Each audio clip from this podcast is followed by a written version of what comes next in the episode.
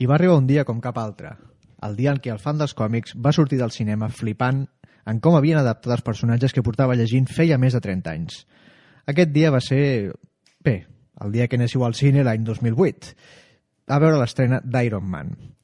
Va ser on es va iniciar un univers cinematogràfic immens, complexe i amb un respecte i amor pel material original com pocs. Avui obrim les portes del club a parlar de l'univers cinematogràfic Marvel.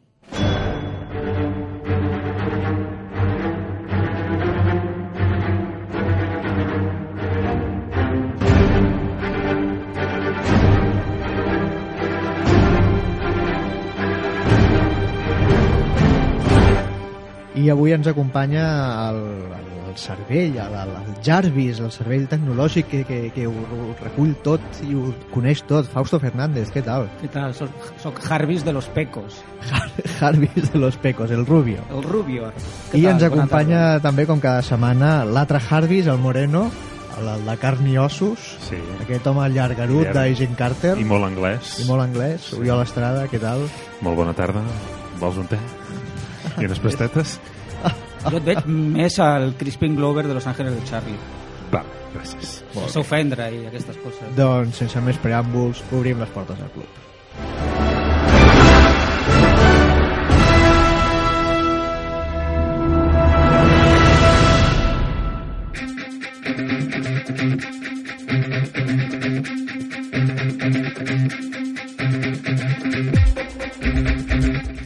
Cap als anys 70, Stan Lee va arribar a la conclusió que Marvel havia de fer el salt a la pantalla. Va convèncer els capitostes de Nova York que li paguessin una casa a Los Angeles per obrir una nova divisió de l'editorial. Va fer algunes sèries d'animació mítiques, però les pel·lícules, sèries i altres projectes que va proposar no van convèncer massa. I ara, 30 anys, l'únic èxit de Marvel a la pantalla potser va ser la sèrie de Hulk. Tot això va començar a millorar amb X-Men i Spider-Man, però faltava alguna cosa. Faltava una visió més global, un univers compartit i coherent com el que existia als còmics. I aquí va arribar Kevin Feige, amb un pla mestre d'11 anys. La Golden Age dels còmics fa anys que es va acabar, però ara tenim la sort de viure en l'era daurada del cinema de superherois.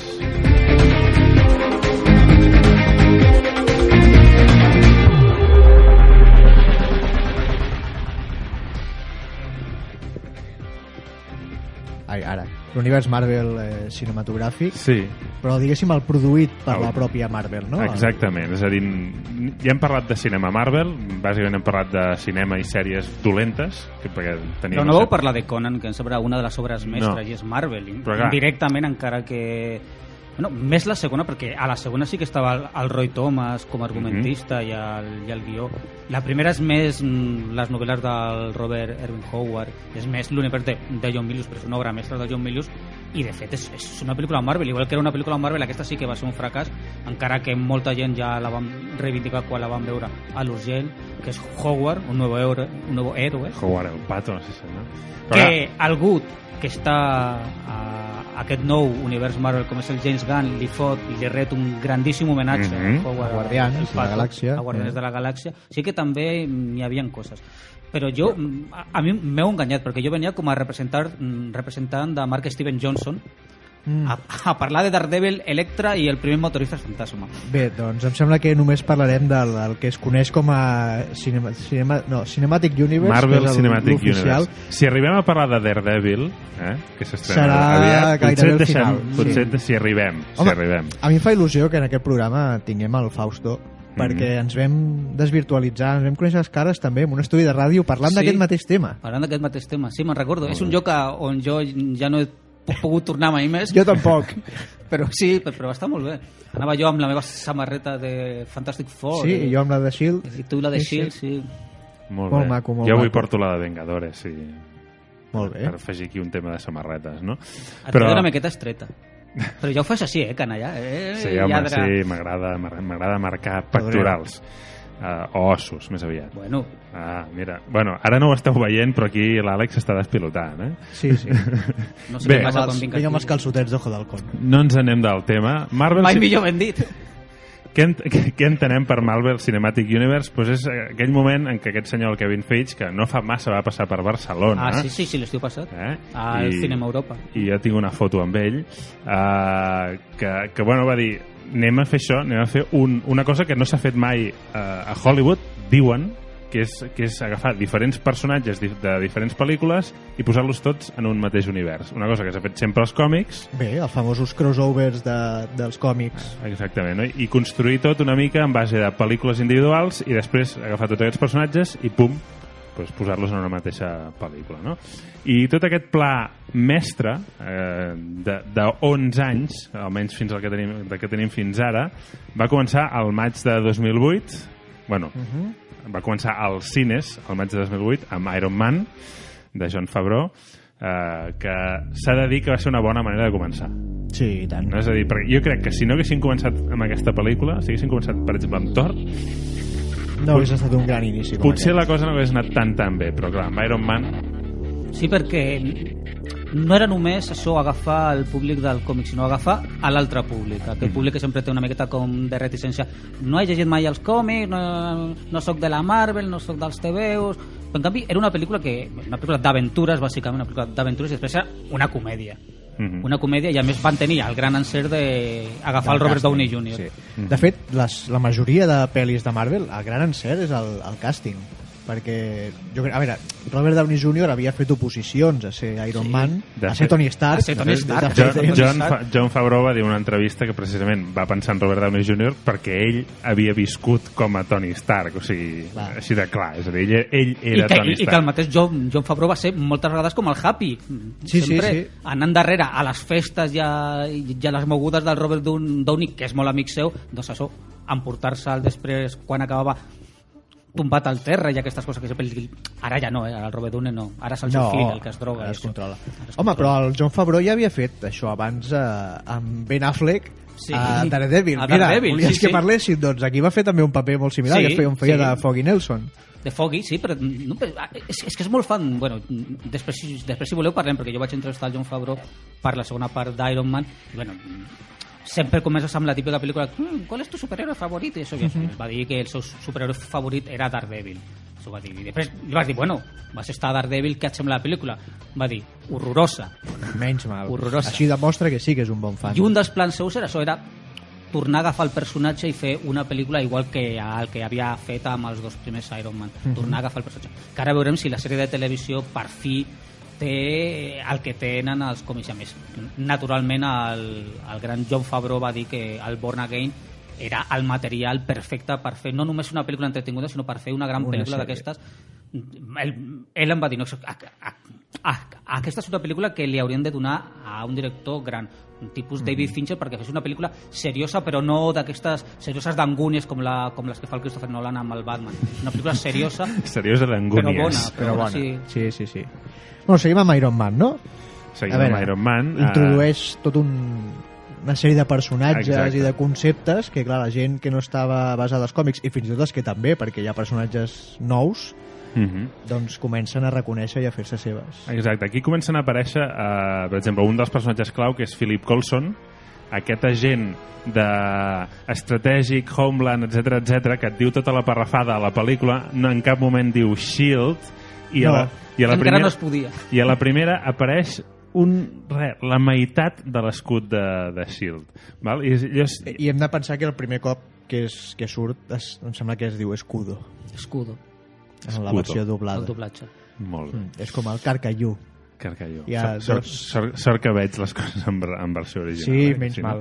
Doncs bé, això és, és aquest personatge creat expressament per l'univers cinematogràfic que una mica és el que va seguint de- d'enllaç de, de, que és un dels reclutadors junt amb, amb Samuel L. Jackson, Nicolas Furia eh, per anar a, a parar a lo d'Avengers, no? que ja des de la primera pel·lícula ja és, al final, aquestes escenes postcrèdits que ja són famoses de les pel·lis de Marvel doncs ja et diu "Mm, te voy a hablar de la iniciativa Vengadores Allò va ser una mica improvisat, va semblar, o sigui, eh, havia- m'ha semblat llegir que es va rodar allò una mica correcuita sense saber ben bé si aniria a alguna banda o no, pot ser?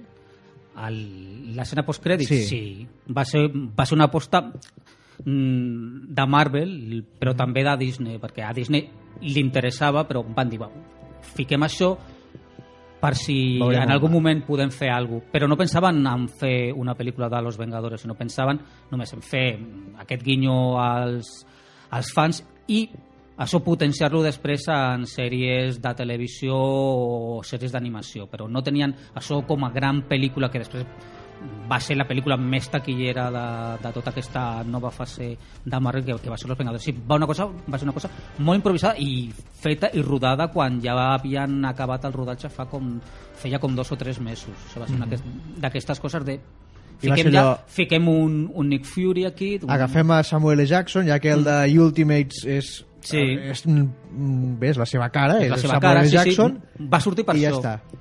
I mira, al final, Sa- Samuel L. Jackson ho va fer sense cobrar, va ser, uh va ser un favor que li va fer directament al Fabró i també al Robert Downey, doncs, són tots companys de juerga, i mira, li va servir a Samuel L. Jackson per guanyar-se les garrofes fins ara, encara que s'ha acostumat a això del còmic perquè ara, d'aquí a finals de, de febrer s'estrena Kingsman, que és una adaptació Sí. del còmic del Mark Miller on Samuel L. Jackson també sortia de Spirit, em sembla recordar. és el dolent, el Samuel L. Jackson i està, està molt divertit i mira, sí que també mira, va ser Home. fer un favor als amics i s'ha convertit en un dels... Home, també a Unbreakable... Sí, Clar, que també és la peli, és la peli Marvel que no és Marvel, o sigui, dirien que és com això, com el, la pedra roseta de lo que és el cinema de superherois fet per un senyor que era molt interessant, que era el Shyamalan, que era, Mhm. però en si ha tornat amb la sèrie de televisió aquesta copiant a Twin Peaks i l'ha sortit bé. No, doncs potser va ser una mica improvisat, però s'ha de dir que va, va marcar escola, no? És a dir, les, les coses que es van posant allà, que, tots aquells ingredients, després ho mires ara amb la perspectiva i dius, hòstia, doncs ara tot encaixa, no? És a dir, no, no, és, no hi ha... Almenys jo no he trobat incoherències d'aquelles No, importants. és una cosa que Marvel ha anat fent molt bé amb el temps, que a base d'aquells one-shots que van posant a les edicions en Blu-ray i Mhm. a la base amb Agents of S.H.I.E.L.D. i les sèries han anat corregint coses que quedaven Mm. penjades i al final ho van tancant tot. Agents of S.H.I.E.L.D. ha, ha servit per això. O sigui, tota la gent que va criticar la primera tongada d'episodis de la primera temporada d'Agents of S.H.I.E.L.D. com una sèrie que reinclona, que no tenia... Bé, gent sense criteri. Total. gent idiota. Eh, doncs, Sense visió. a, doncs a banda de, de que és mm, una de les coses mm, amb més ànima Marvel del que he vist, fins i tot té més ànima Marvel que moltes de les pel·lícules de les que parlarem, que són pel·lícules meravelloses i, i estupendes, va servir per això, per anar mm, marcant i delimitant per on aniria tot l'univers i per corregint que és bueno, el, el que comentava ara aquí el nostre amic el Capi, que és, és això, és tot el que s'havia estat fent tota la vida als còmics, a l'univers Marvel, traslladar-lo directament, no només al cinema, sinó a l'univers audiovisual Marvel. Perquè això també entra també les peces que s'han fet expressament per internet, les peces extras, com a extras als Blu-rays o als, als DVDs també. O sigui, tot això és un plan que al començament amb Iron Man no era un plan això per previst de farem totes aquestes adaptacions, farem totes aquestes pel·lícules, no, va ser una cosa... Bueno, Col Colson ja està allà. És a dir, Sí, ja està allà, algo, però- Algo hi ha d'haver. però és un pla de... Però- Jo crec que és de... Farem coses. de no sabem farem quines. coses però no sabem què. Val, I clar, tenim el gran èxit d'Iron Man, que va ser un de les pel·lícules Sí, que sí. més pasta van recaptar aquell any, i llavors sí que és quan tota la cúpula, Avi Arad, Kevin Feige i tota aquesta gent es reuneix i diuen, "Es- escolta, tenim un camí molt xulo, no només per fer Iron Man 2, sinó per, a partir d'aquí, tenim un ventall de personatges nous i de personatges de, de l'univers del còmic de la Marvel que ens poden donar molta vida i sobretot donar-nos no només productes que per separat funcionen, sinó això que per separat funcionen sí, però que tinguin una continuïtat i una interacció entre tots, que és per això ens, ens agrada tant i ens molen tant, tant aquestes adaptacions de Marvel, perquè ens, eh, les has de veure així, així cronològicament, igual que t'agafes tots els TVOs i vas barrejant col·leccions, per veure que això és un- una petita meravella. Però mira si les coses estaven lligadetes que, que bueno, eh, un mes després, el juny, s'estrena una pel·lícula de la fase 1 de Marvel, d'aquesta fase 1, que potser és la més oblidada de totes, eh, que és eh, The Incredible Hulk.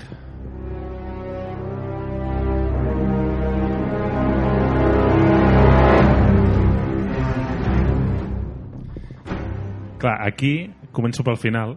Començo Sí, per, sí, perquè és el tros que, que lliga amb tota la resta. Començo per l'escena postcrèdits aquesta, que aquí és Tony Stark, que va al general Ross i diu le voy a hablar de, de cierta iniciativa, no? És a dir, que és una, una escena que també és bastant interessant. Clar, és un mes després, eh, l'estrena.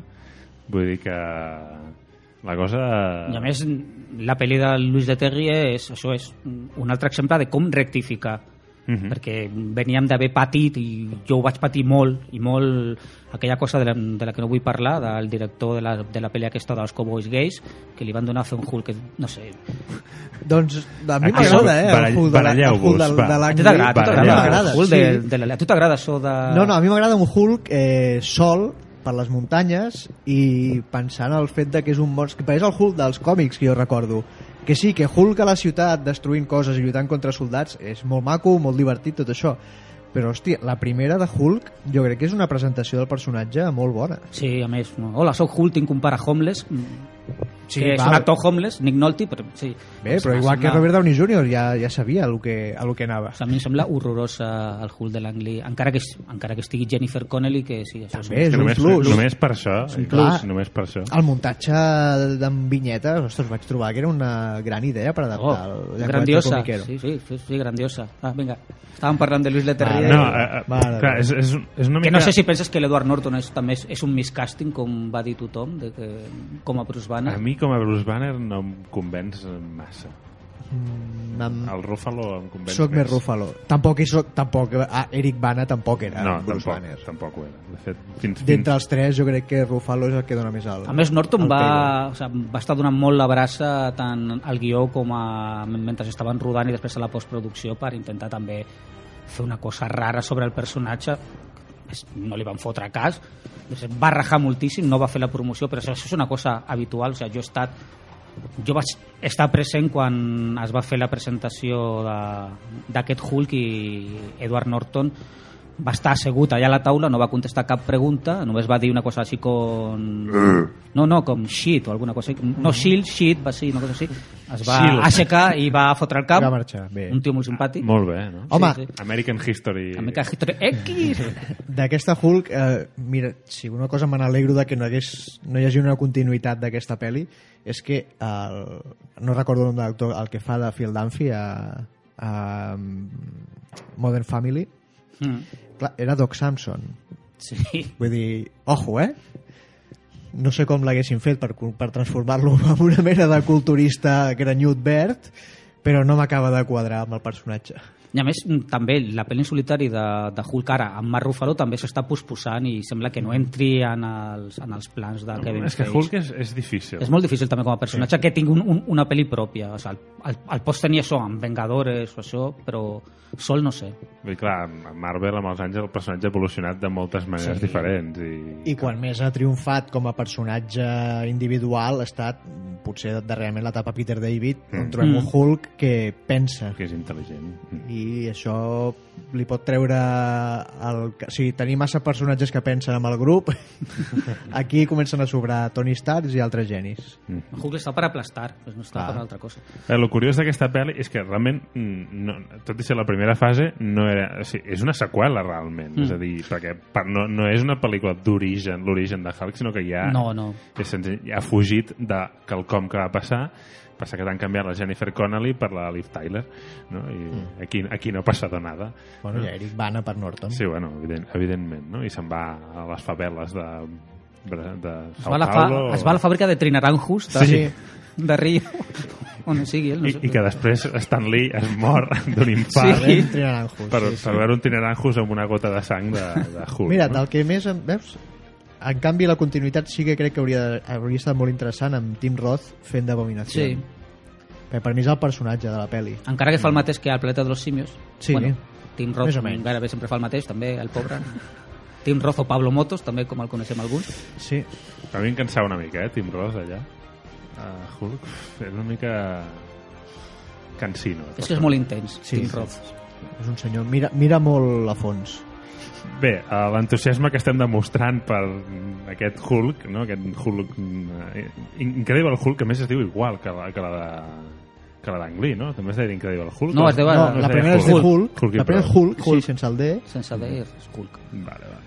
Doncs bé, dos anys després eh, ha de tornar el tio que ho havia patat tot i aquí sí que ja és una pel·lícula que, que ja va de cara a barraca i ja va introduir-te tot el que passarà després en Vengadores és Iron Man 2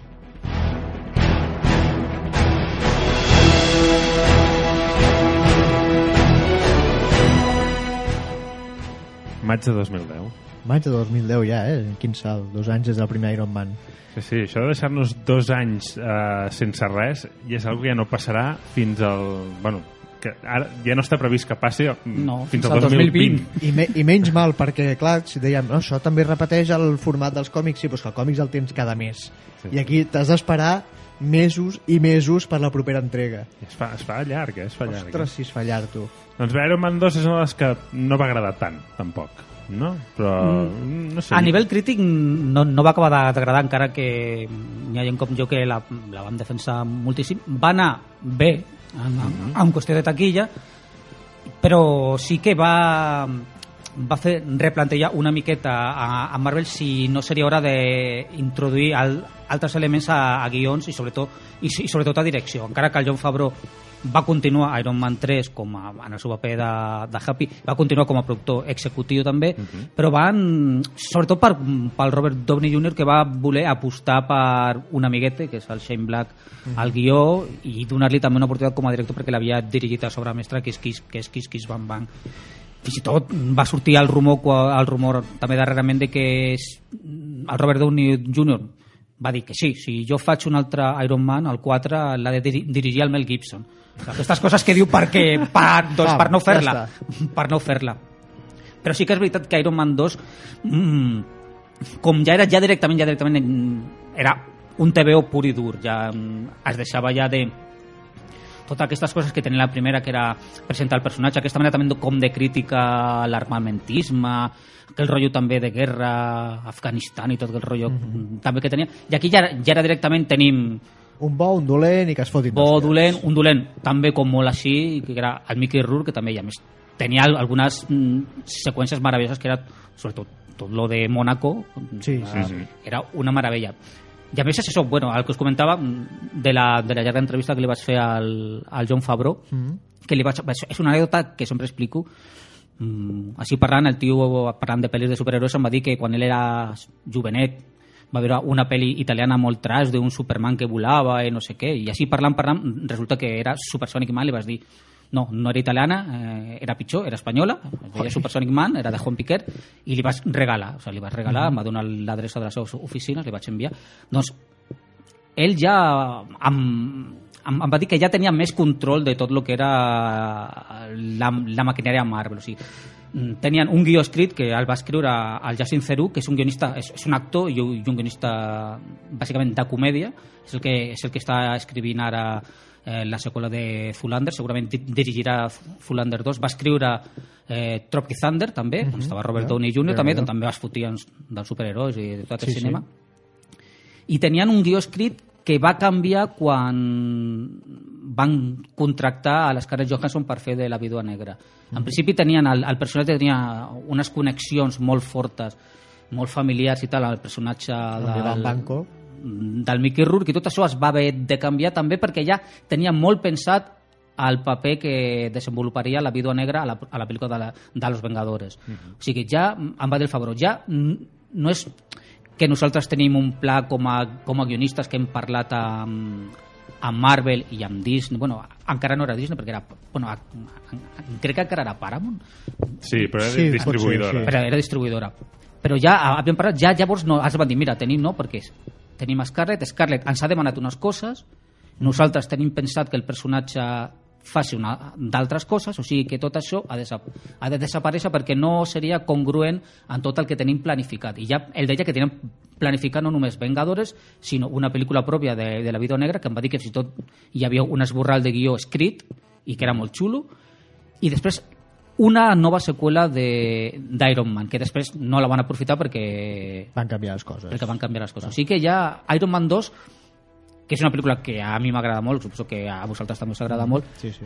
ja també ja manifesta mm, per on aniria tot, el- tot el que és la planificació i producció de la resta de films d'aquesta fase Marvel. O sigui, una cosa ja molt pensada des de dalt, des de dalt de dir, val, teniu llibertat per fer el guió que vulgueu, però teniu en compte que aquests personatges i aquestes situacions S'han d'incorporar. s'han d'incorporar perquè tot això ve camí d'una pel·li que igual segurament s'estrenarà d'aquí 3 o 4 anys. Sí, perquè a més a més de la Viuda Negra trobem el personatge de Nick Furia, que ja té molt més Mm. paper, però és que a més a Coulson més... també. Sí, I a Coulson, més Colson desapareix, Desapareix. i torna i dius, on has estat? després ens ho ensenyen. Mm. Però és que a més a més eh, ens introdueix la part de la Segona Guerra Mundial, Mm. que jugarà un paper molt important a Capitán, Capitán Amèrica, Amèrica, el- on el- el primer Howard. Stark, el pare de El Tony pare. Stark... Eh, D'aquí tenim aquí també el... mm. És fundador, Sí, de, és- fundador de S.H.I.E.L.D. Sí, sí. S'explica el teu pare va ser fundador de S.H.I.E.L.D., que és el que estem veient ara, o Agent Carter. Agent Carter, que ja es va veure a Capitán Amèrica. Però clar, vull dir, amb aquesta pel·li eh, et posen els fonaments del, del futur, del que vindrà Vengadores. Quan Coulson desapareix, ens posen els fonaments del que vindrà a ser Thor. La, la següent pel·lícula. Thor, que és la I següent es posen els fonaments de Capitán Amèrica també durant la pel·lícula. Mm. Per tant, és la que comença a cohesionar i a ensenyar-nos què pot passar en aquest futur. Que per això alguns, alguns crítics la van criticar molt per això, perquè era una pel·lícula que semblava que és això, que era com un, com un episodi més, ja no era una pel·li en si mateixa, sinó que ja era formava part d'algú més gran, i jo crec que precisament per això es disfruta més ara, quan ja has vist totes les altres pel·lícules i veus en el conjunt, i ja és tota aquesta narrativa seguida que, que, bueno, que, és, que és fantàstica. Nois, Abans de marxar, digues. Va, aquí Adeu. a Iron Man 2 ja surt l'escut del Capitán Amèrica. sí? Abans Sí, sí. de que sortís la pel·li de Capitán Amèrica. Va, que ens estem anant molt de, de temps, i, però és divertidíssim. Fem una petita pausa i tornem de seguida.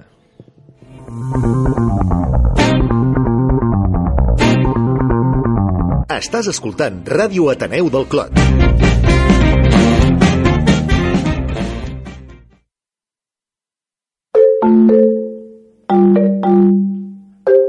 Si t'agrada l'atenció personalitzada i valores el comerç de proximitat, al barri del Clot trobaràs tot això i més a... Món Ibèric, al carrer Mallorca 566. Xarcuteries Bosch, al carrer Mallorca número 558. Vinacoteca, al carrer València 595. Amb la col·laboració de l'Associació de Botiguers i Comerciants de l'Eix Clot.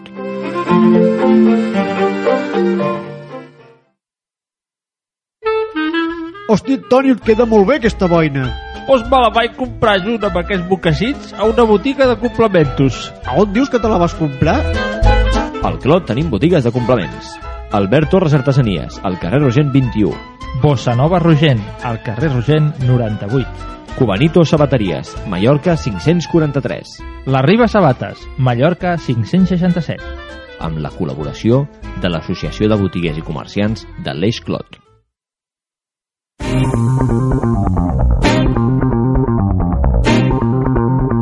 Estàs escoltant Ràdio Ateneu del Clot.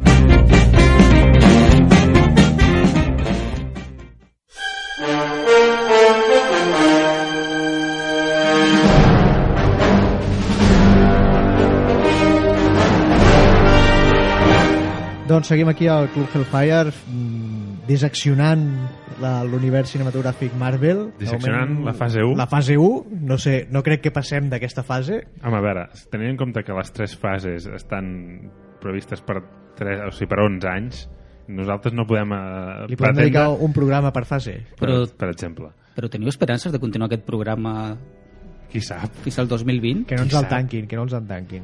Qui sap? T'imagines? Bé, Ostres, sí, i ploro. sí, Tu seguiries venint aquí, eh? Ostres, sí. Jo també Que ploro, trist. però per altres motius. Eh, anem a la següent pel·lícula. Uh, bé, acabem, aca- de fet acabem aquesta, la Iron Man 2 acaba amb aquesta escena post-crèdits que és, uh sabem què ha fet Coulson d'aquelles coses tan estranyes de, que algú en una pel·lícula diu, i aquest tio per què se'n va i ara torna mm. llavors t'ho ensenyen al final ensenyen, clar. el tio se'n va a Nou Mèxic uh, perquè han trobat una cosa que és el martell Mjolnir. d'un déu nòrdic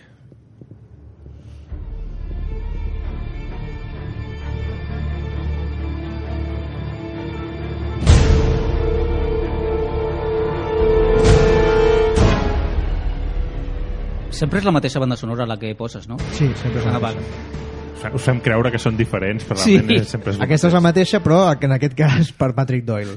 Però bé, Qui l'ha vist i qui només lo n'hi ha ve? una. Patrick Doyle. Sí, sí. Home, hi havia, recordo, eh, rumors a Iron Man 2 que l'escena postcrèdits era l'helitransporte.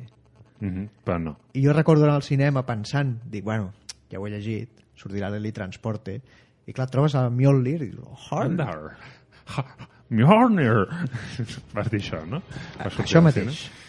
Bé, doncs Thor s'estrena al maig de 2011, aquí ja només haver d'esperar un any, és bueno, anem, anem millorant, anem millorant, uh, i si abans teníem a Jennifer Connelly a Thor, per mi aquí teníem a Natalie Portman, a mi Chris Hemsworth me la, Sí, no, me grans- la pela, però aquí teníem I Chris Hemsworth te la pela? Ha quedat com a titular I molt vull, xulo. I vull reivindicar jo també a Kat Dennings, Kat Dennings. vale? Bueno. ja com a nivell personal. A nivell personal. Jo a nivell personal, Natalie Portman.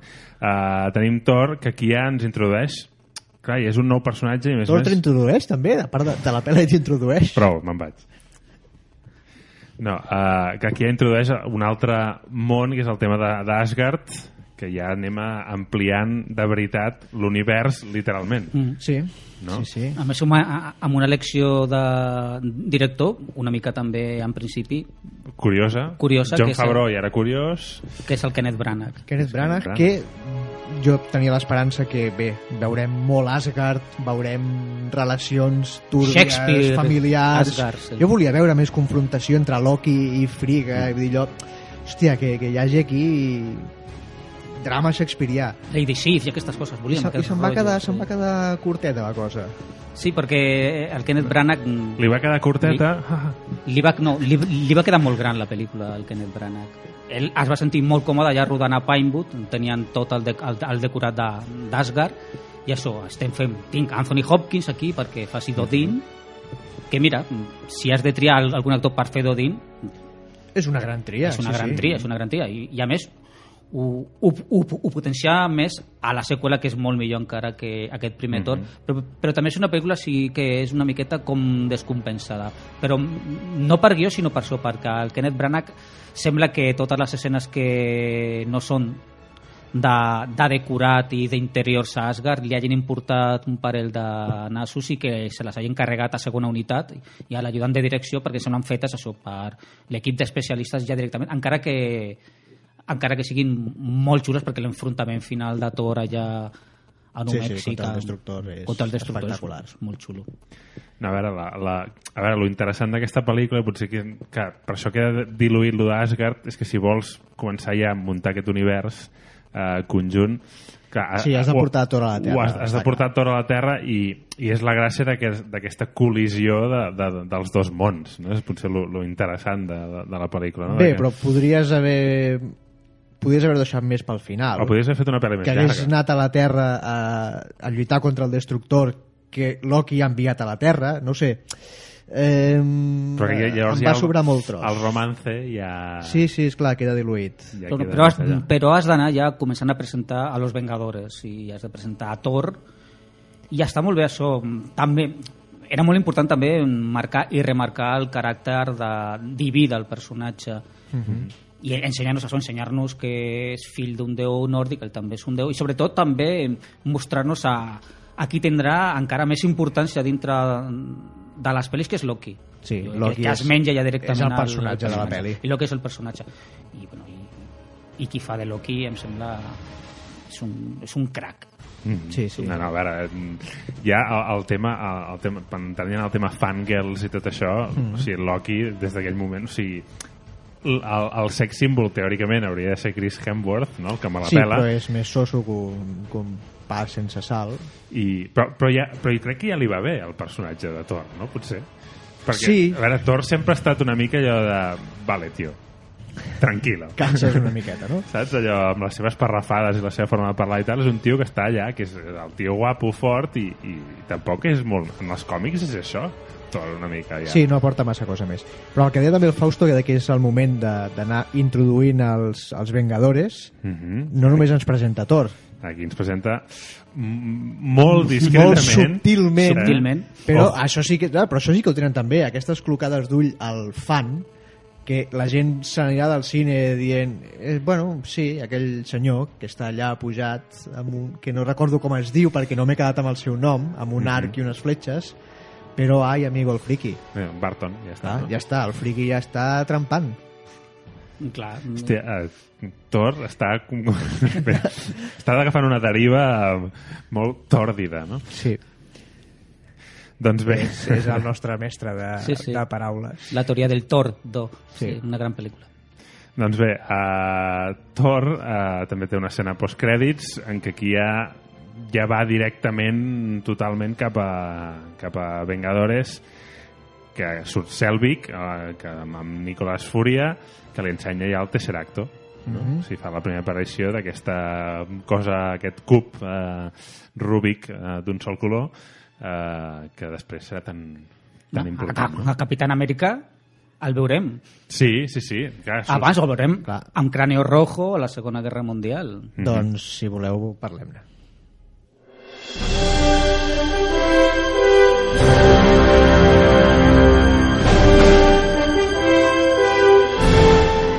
Aquesta banda sonora sí que mola. La de Capitán Amèrica. Sí. Una pel·lícula, com deia abans l'Àlex, a reivindicar i molt Sí. el, aquest primer Capitán Amèrica. Jo vaig sortir del cinema amb la sensació de que eh, sí, Iron Man, les dues estaven molt bé, Thor estava bé, presentava el personatge d'això, però Capitán Amèrica era la primera que es feia demostrant un respecte i un carinyo pel personatge com no s'havia fet fins ara. I era un personatge molt difícil d'adaptar, sobretot a l'època de la Segona Guerra Mundial. Jo crec que Iron Man ja es va fer, però, eh? I sobretot amb el, amb el gran homenatge que es fa a, l'Iron Man original, eh? Sí, Amb sí, aquell armadura. detallet està molt bé, però jo crec que aquest Però- està més cuidat. Sí, però amb tot lo xulo que té l'Iron Man, que és aquest punt d'ironia, el que té el, el Capitán Amèrica, el, el primer Vengador, és això, el, el que diu l'Àlex, el punt de carinyo de carinyo i d'estima Sí, sí. a un personatge que pot semblar molt ridícul més encara que el teu amic que te la pela, Thor, mm. és un senyor, i que ho, ho sap mostrar molt bé, que és quan es posa el primer vestit de Capitán Que és Amèrica. molt més fidel al que és dels molt fidel al dels còmics. còmics, quan presenta el seu amic... I a més, tota aquella part, quan és aquest heroi de guerra, de pega que va de fira en fira recaptant fons per bonos de guerra, venen els, els bonos de guerra, que tota aquella part val més que Banderes de Nostros Padres de Clint Eastwood, aquell trunyaco del, del Clint Eastwood.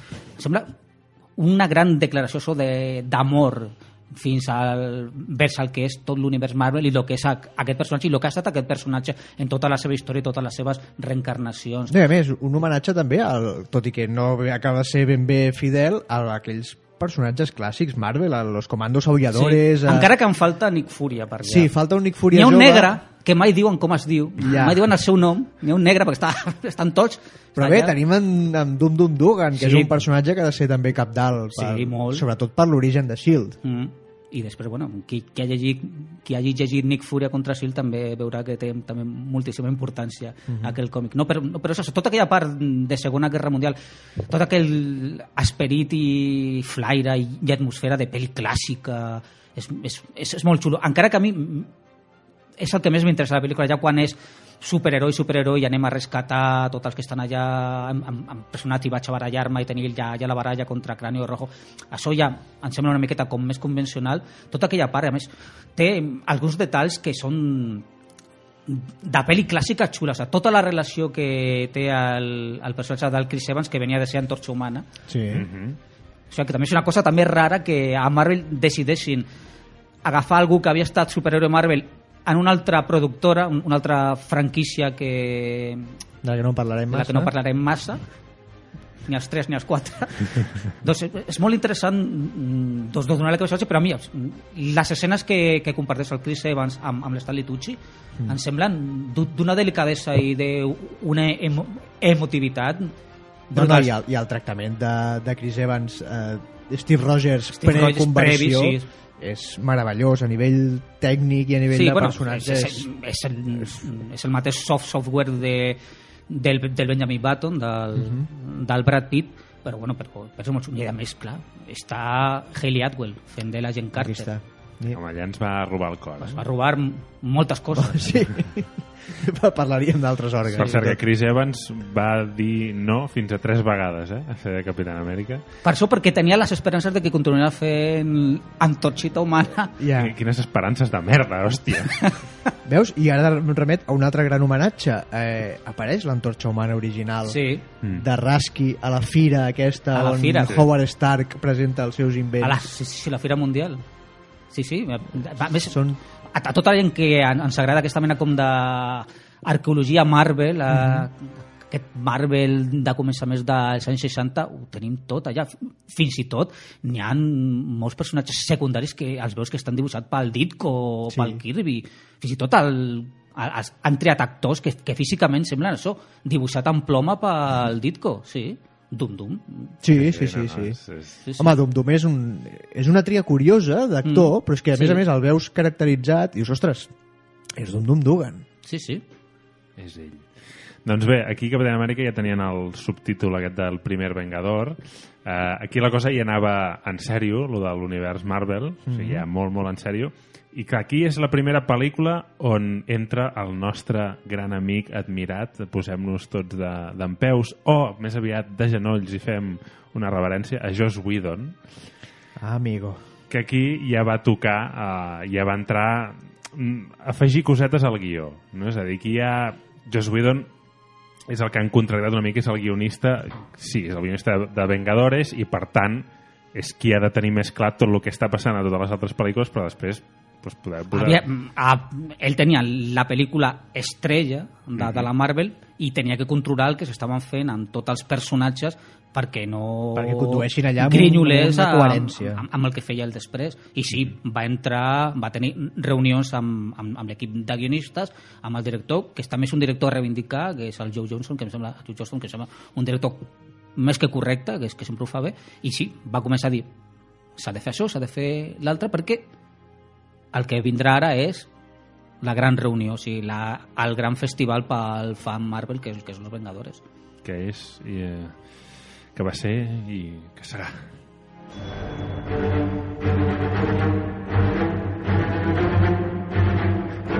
Sí, en repetim. Què Però passa? tornem a començar el programa, no? Què passa? Què passa? És el tema, de, és el tema de, del programa, però és que, a veure, nosaltres som los vengadores de los frikis, Ah, per tant, exactament. eh, és, és adient. Uh, bé, per cert, que no ho hem dit, però Capitán Amèrica també s'acaba amb, amb una escena postcrèdits en què està allà fotent-li hòsties al sac i va Nicolas Fúria, o sigui, escena calcada A la d'Iron Man. a la d'Iron Man i ja tanco una mica el cer- el cercle i ja, ja, bueno, aquí la cosa ja va en serio oye, te voy a hablar de una cosa que se llama la iniciativa de los Vengadores Sí, Eh? i aquí ja és quan el fan... De fet, em sembla que ja anuncia de que el Capitán América volverá en Los Vengadores. Sí, sí, al final, I al clar, final. Està en és crèdit. allò de... Xof. Si, si us plau. quan? Doncs quan va ser el maig de 2012 eh, aviat ja farà 3 anys Tres anys. eh? vull dir que ja Déu-n'hi-do, eh? Déu-n'hi-do, sembla que fos ahir no, a mi em sembla que fa, que fa molt de temps ja potser Sí. és per l'espera de, de Bueno, tenim aquest any. sí, sí, Sí, queden quatre res, mesos. Queden... Sí, Res, estem ja Tres en compte enrere. tres i mig. tres i mig per, per veure bé, si s'estrena aquí igual que als Estats Units que espero que sí Sí, sí, crec Sí. que s'estrena simultània. perquè, Mira, ja vull llegir que la data d'estrena d'aquí és el 30 d'abril. o sigui, abans i tot Sí, em sembla que és prèvia. Va, perquè el, el Blu-ray de Guardians de la Galàxia et foten el, una peça d'aquestes de making of de, de, de Vengadores 2 i et posa en verano 2015 i dius, què? No, no, no. no. Aneu a cagar, fills de puta doncs, doncs bé, vinga Els senyors de Marvel acaben de posar-te a la llista negra. Crec que ja no rebràs més còmics gratis. Mm, ah, bueno, no canviaran les coses canviaran les coses. no canviaran les coses Però bueno, Los Vengadores és la que més diners ha fet i, i, eh, bueno, és això, és, és la sagrada família Sí. d'aquesta fase. Sí, no, clar, és, és, tot va cap aquí, no? És a dir, aquí ens eh, tenim a Iron Man, tenim a, A Thor, a Thor a Capitán Amèrica. a, a, a Hulk, a, a Ojo de Halcón, I la Viuda Negra, que la ja Viuda l'havíem Negra. vist més eh, amb una presència a Iron sí, Man 2. Iron Man 2 ja havia sortit bastant, A Loki, i a Loki. I tenim a Loki, que aquest és un dels temes que jo vull reivindicar a favor de Joss Whedon, que tothom diu, sí, és que és una pel·li que s'inspira molt en els còmics de Ultimates i tal. Estèticament, sí. no Això en general, direm, tot l'univers... Sí, tot l'univers és possible que, que vegui d'allà, però escolta'm... El to, potser, El diria. que fa Whedon és recrear el número 1 de Vengadores, Mhm. on Loki és qui eh, s'ho manega tot, fins i tot per enganyar, en aquell cas enganya Hulk per posar-lo en contra de la Mhm. resta del, del grup, en aquest cas és Ojo d'Halcón mm.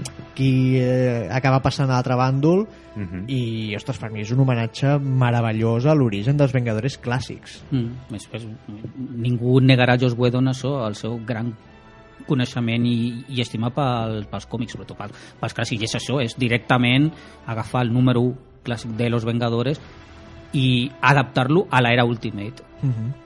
I visualment, visualment és molt Ultimate també, eh, Mm. i bueno, i, i el que té és això, té, bueno, és que és una pel·li tan rica no només com a pel·li de superherois, com a pel·li d'acció, o sigui, la batalla a Nova York, aquell pla seqüència, El pla seqüència. aquell pla seqüència. Tothom parla de pla seqüències mm, Sí. mariconades. No, el secreto no. de sus ojos, mariconades. El pla seqüència xulo és aquest, és el de los Vengadores. És el dels Vengadores i a més veu de moltes fonts perquè hi ha un, el moviment del Capitán Amèrica i Iron Man veu del videojoc del Marvel Ultimate Alliance 2 és una cosa que podies fer en el joc ho reprodueixen a la pel·li o sigui, és, és un I gif dels dibuixos animats també. Sí, sí, sí, és un gif que hauríem de...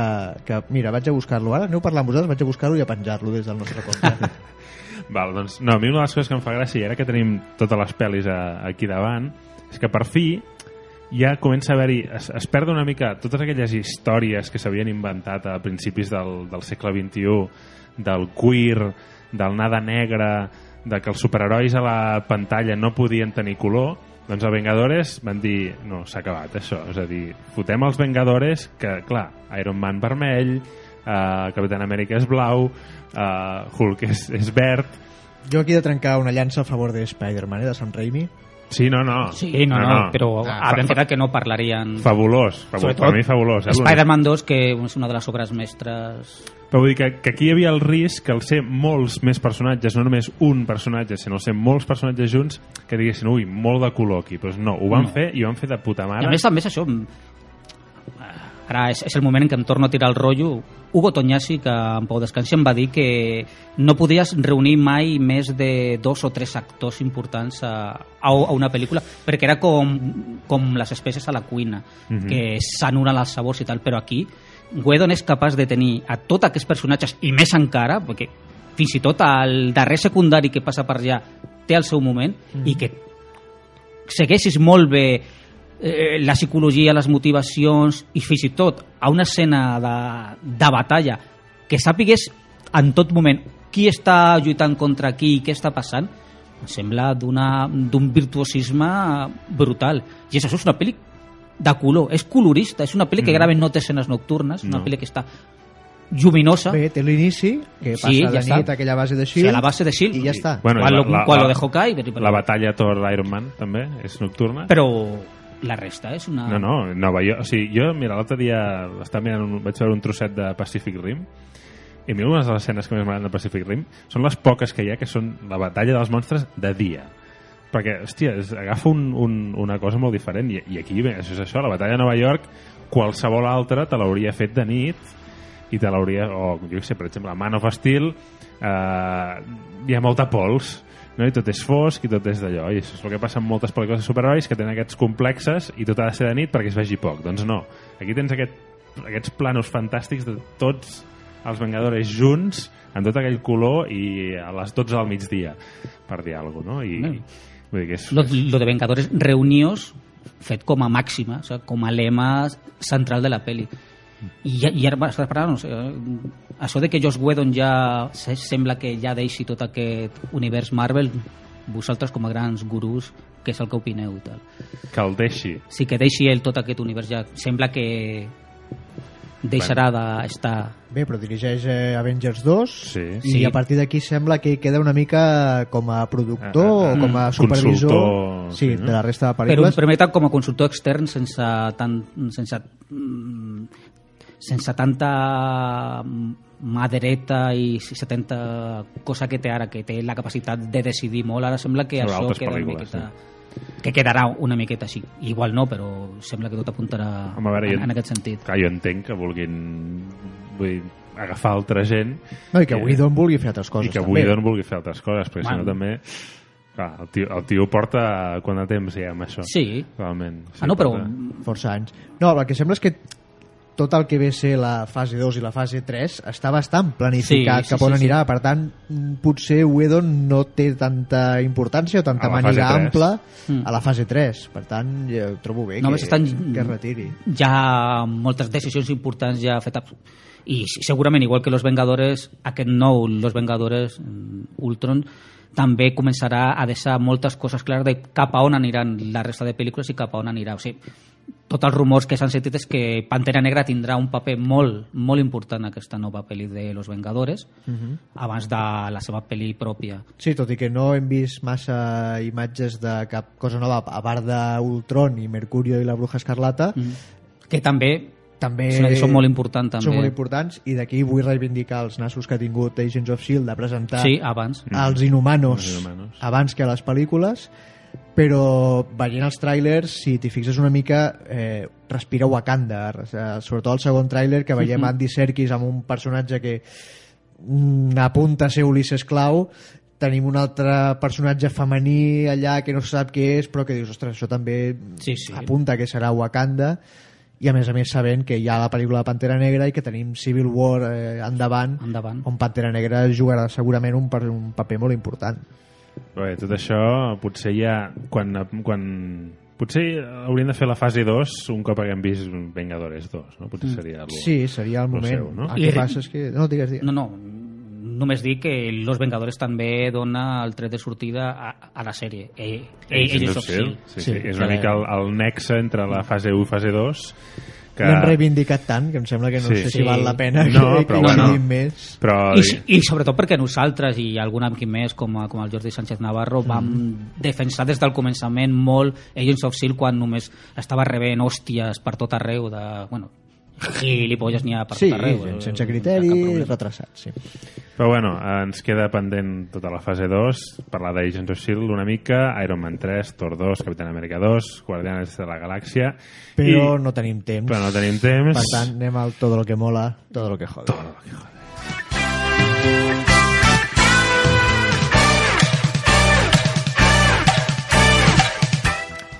Doncs això, todo lo que mola, todo lo que jode. Fausto, et portes algun tema a reivindicar o que t'hagi tocat els nassos darrerament? Bueno, no acaba de fer totes les pel·lis que teníem avui. Això Bueno. és, és un... Jode mucho. Bueno, però Bueno, però tot, tot el que mola és- que podrem fer un altre Sí. programa Un més altre. extens. tornaré a passar factura. Està bé, Sí, bueno, no, no. està Sí, bé la home, i factura. tant. Molt bé. Factura, factura. Pues todo lo que mola... Bueno, no mira, sort que ja hem passat... Mira, ja no t'entra la trimestral. De... No, però bueno, a l'abril, a l'abril. A l'abril. Pues, no sé, mm, tot el que vola... Els, els nous còmics mm, de Star Wars. Sí, però hem vist alguna cosa més, a part de les imatges aquestes Sí, no- espectaculars del John. Cassaday.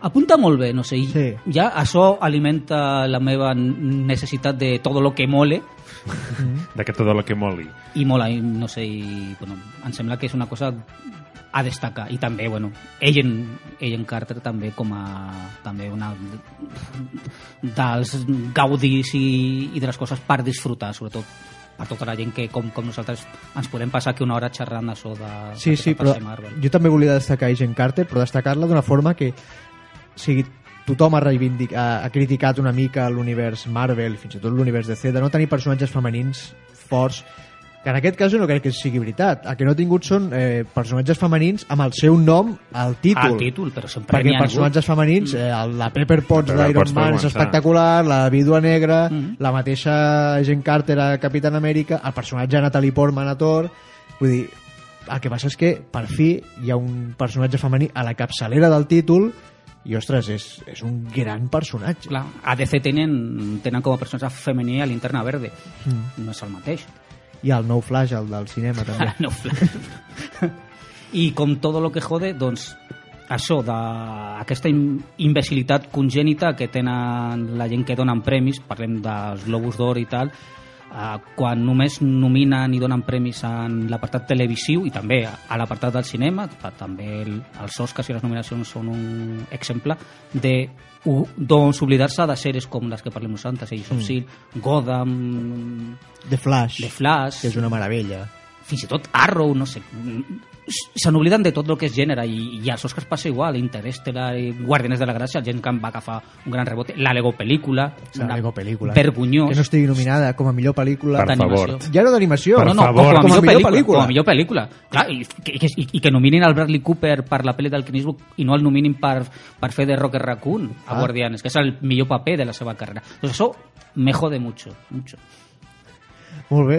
Jo vaig a Va, canviaré, ràpid. canviaré totalment de tema. De cara a barraca. Uh, aneu al meu blog, Sí. eh, l'Arcàdia, ara us posarem el link, uh, perquè parlo de les sèries que he vist el 2014 i volia destacar-ne una que he descobert jo, mm, japonesa, un dorama, que es diu, que es diu Limit, i és, uh, és d'un- una adaptació d'un manga, com moltes, que va d'un autobús escolar que s'espenya per un penya-segat i només sobreviuen cinc noies i es queden perdudes a dins d'un en un bosc esperant que les rescatin i no és Battle Royale Uh -huh. Mm, ni molt menys, però, hòstia, déu nhi I 12 episodis de 30 minuts, fantàstic. Pels que no heu vist mai sèries japoneses, que tenen les seves particularitats, tot s'ha de dir, mm, val la pena, eh? Els, pri els primers dos o tres seran durillos, però després us, us enganxareu. Molt bé, doncs... Límit. Moltes gràcies, Fausto, per haver vingut A vosaltres, com sempre. il·luminar-los com una setmana més. I gràcies, Capi, també per la, la llum que aportes tu Da. aquí i Ai, la pels, i pels acudits de La Tor. llum que pagues. Els acudits de Tor que han estat molt, Els molt acudits de bons. Tor que heu fet vosaltres a costa meva. Però... No, però és igual. Gràcies per donar-nos, no, per deixar-la Si has, si has de sortir de l'armari, clar. millor que ho facis aquí entre amics. Val. Cap problema. Sí, perquè si és de ser d'aquest armari fot una pudor. Sí, no, fot una pesta, vull dir que sortiré segur. I a vosaltres fins la setmana que ve. Vagi Vinga, gràcies. Adéu. Adéu.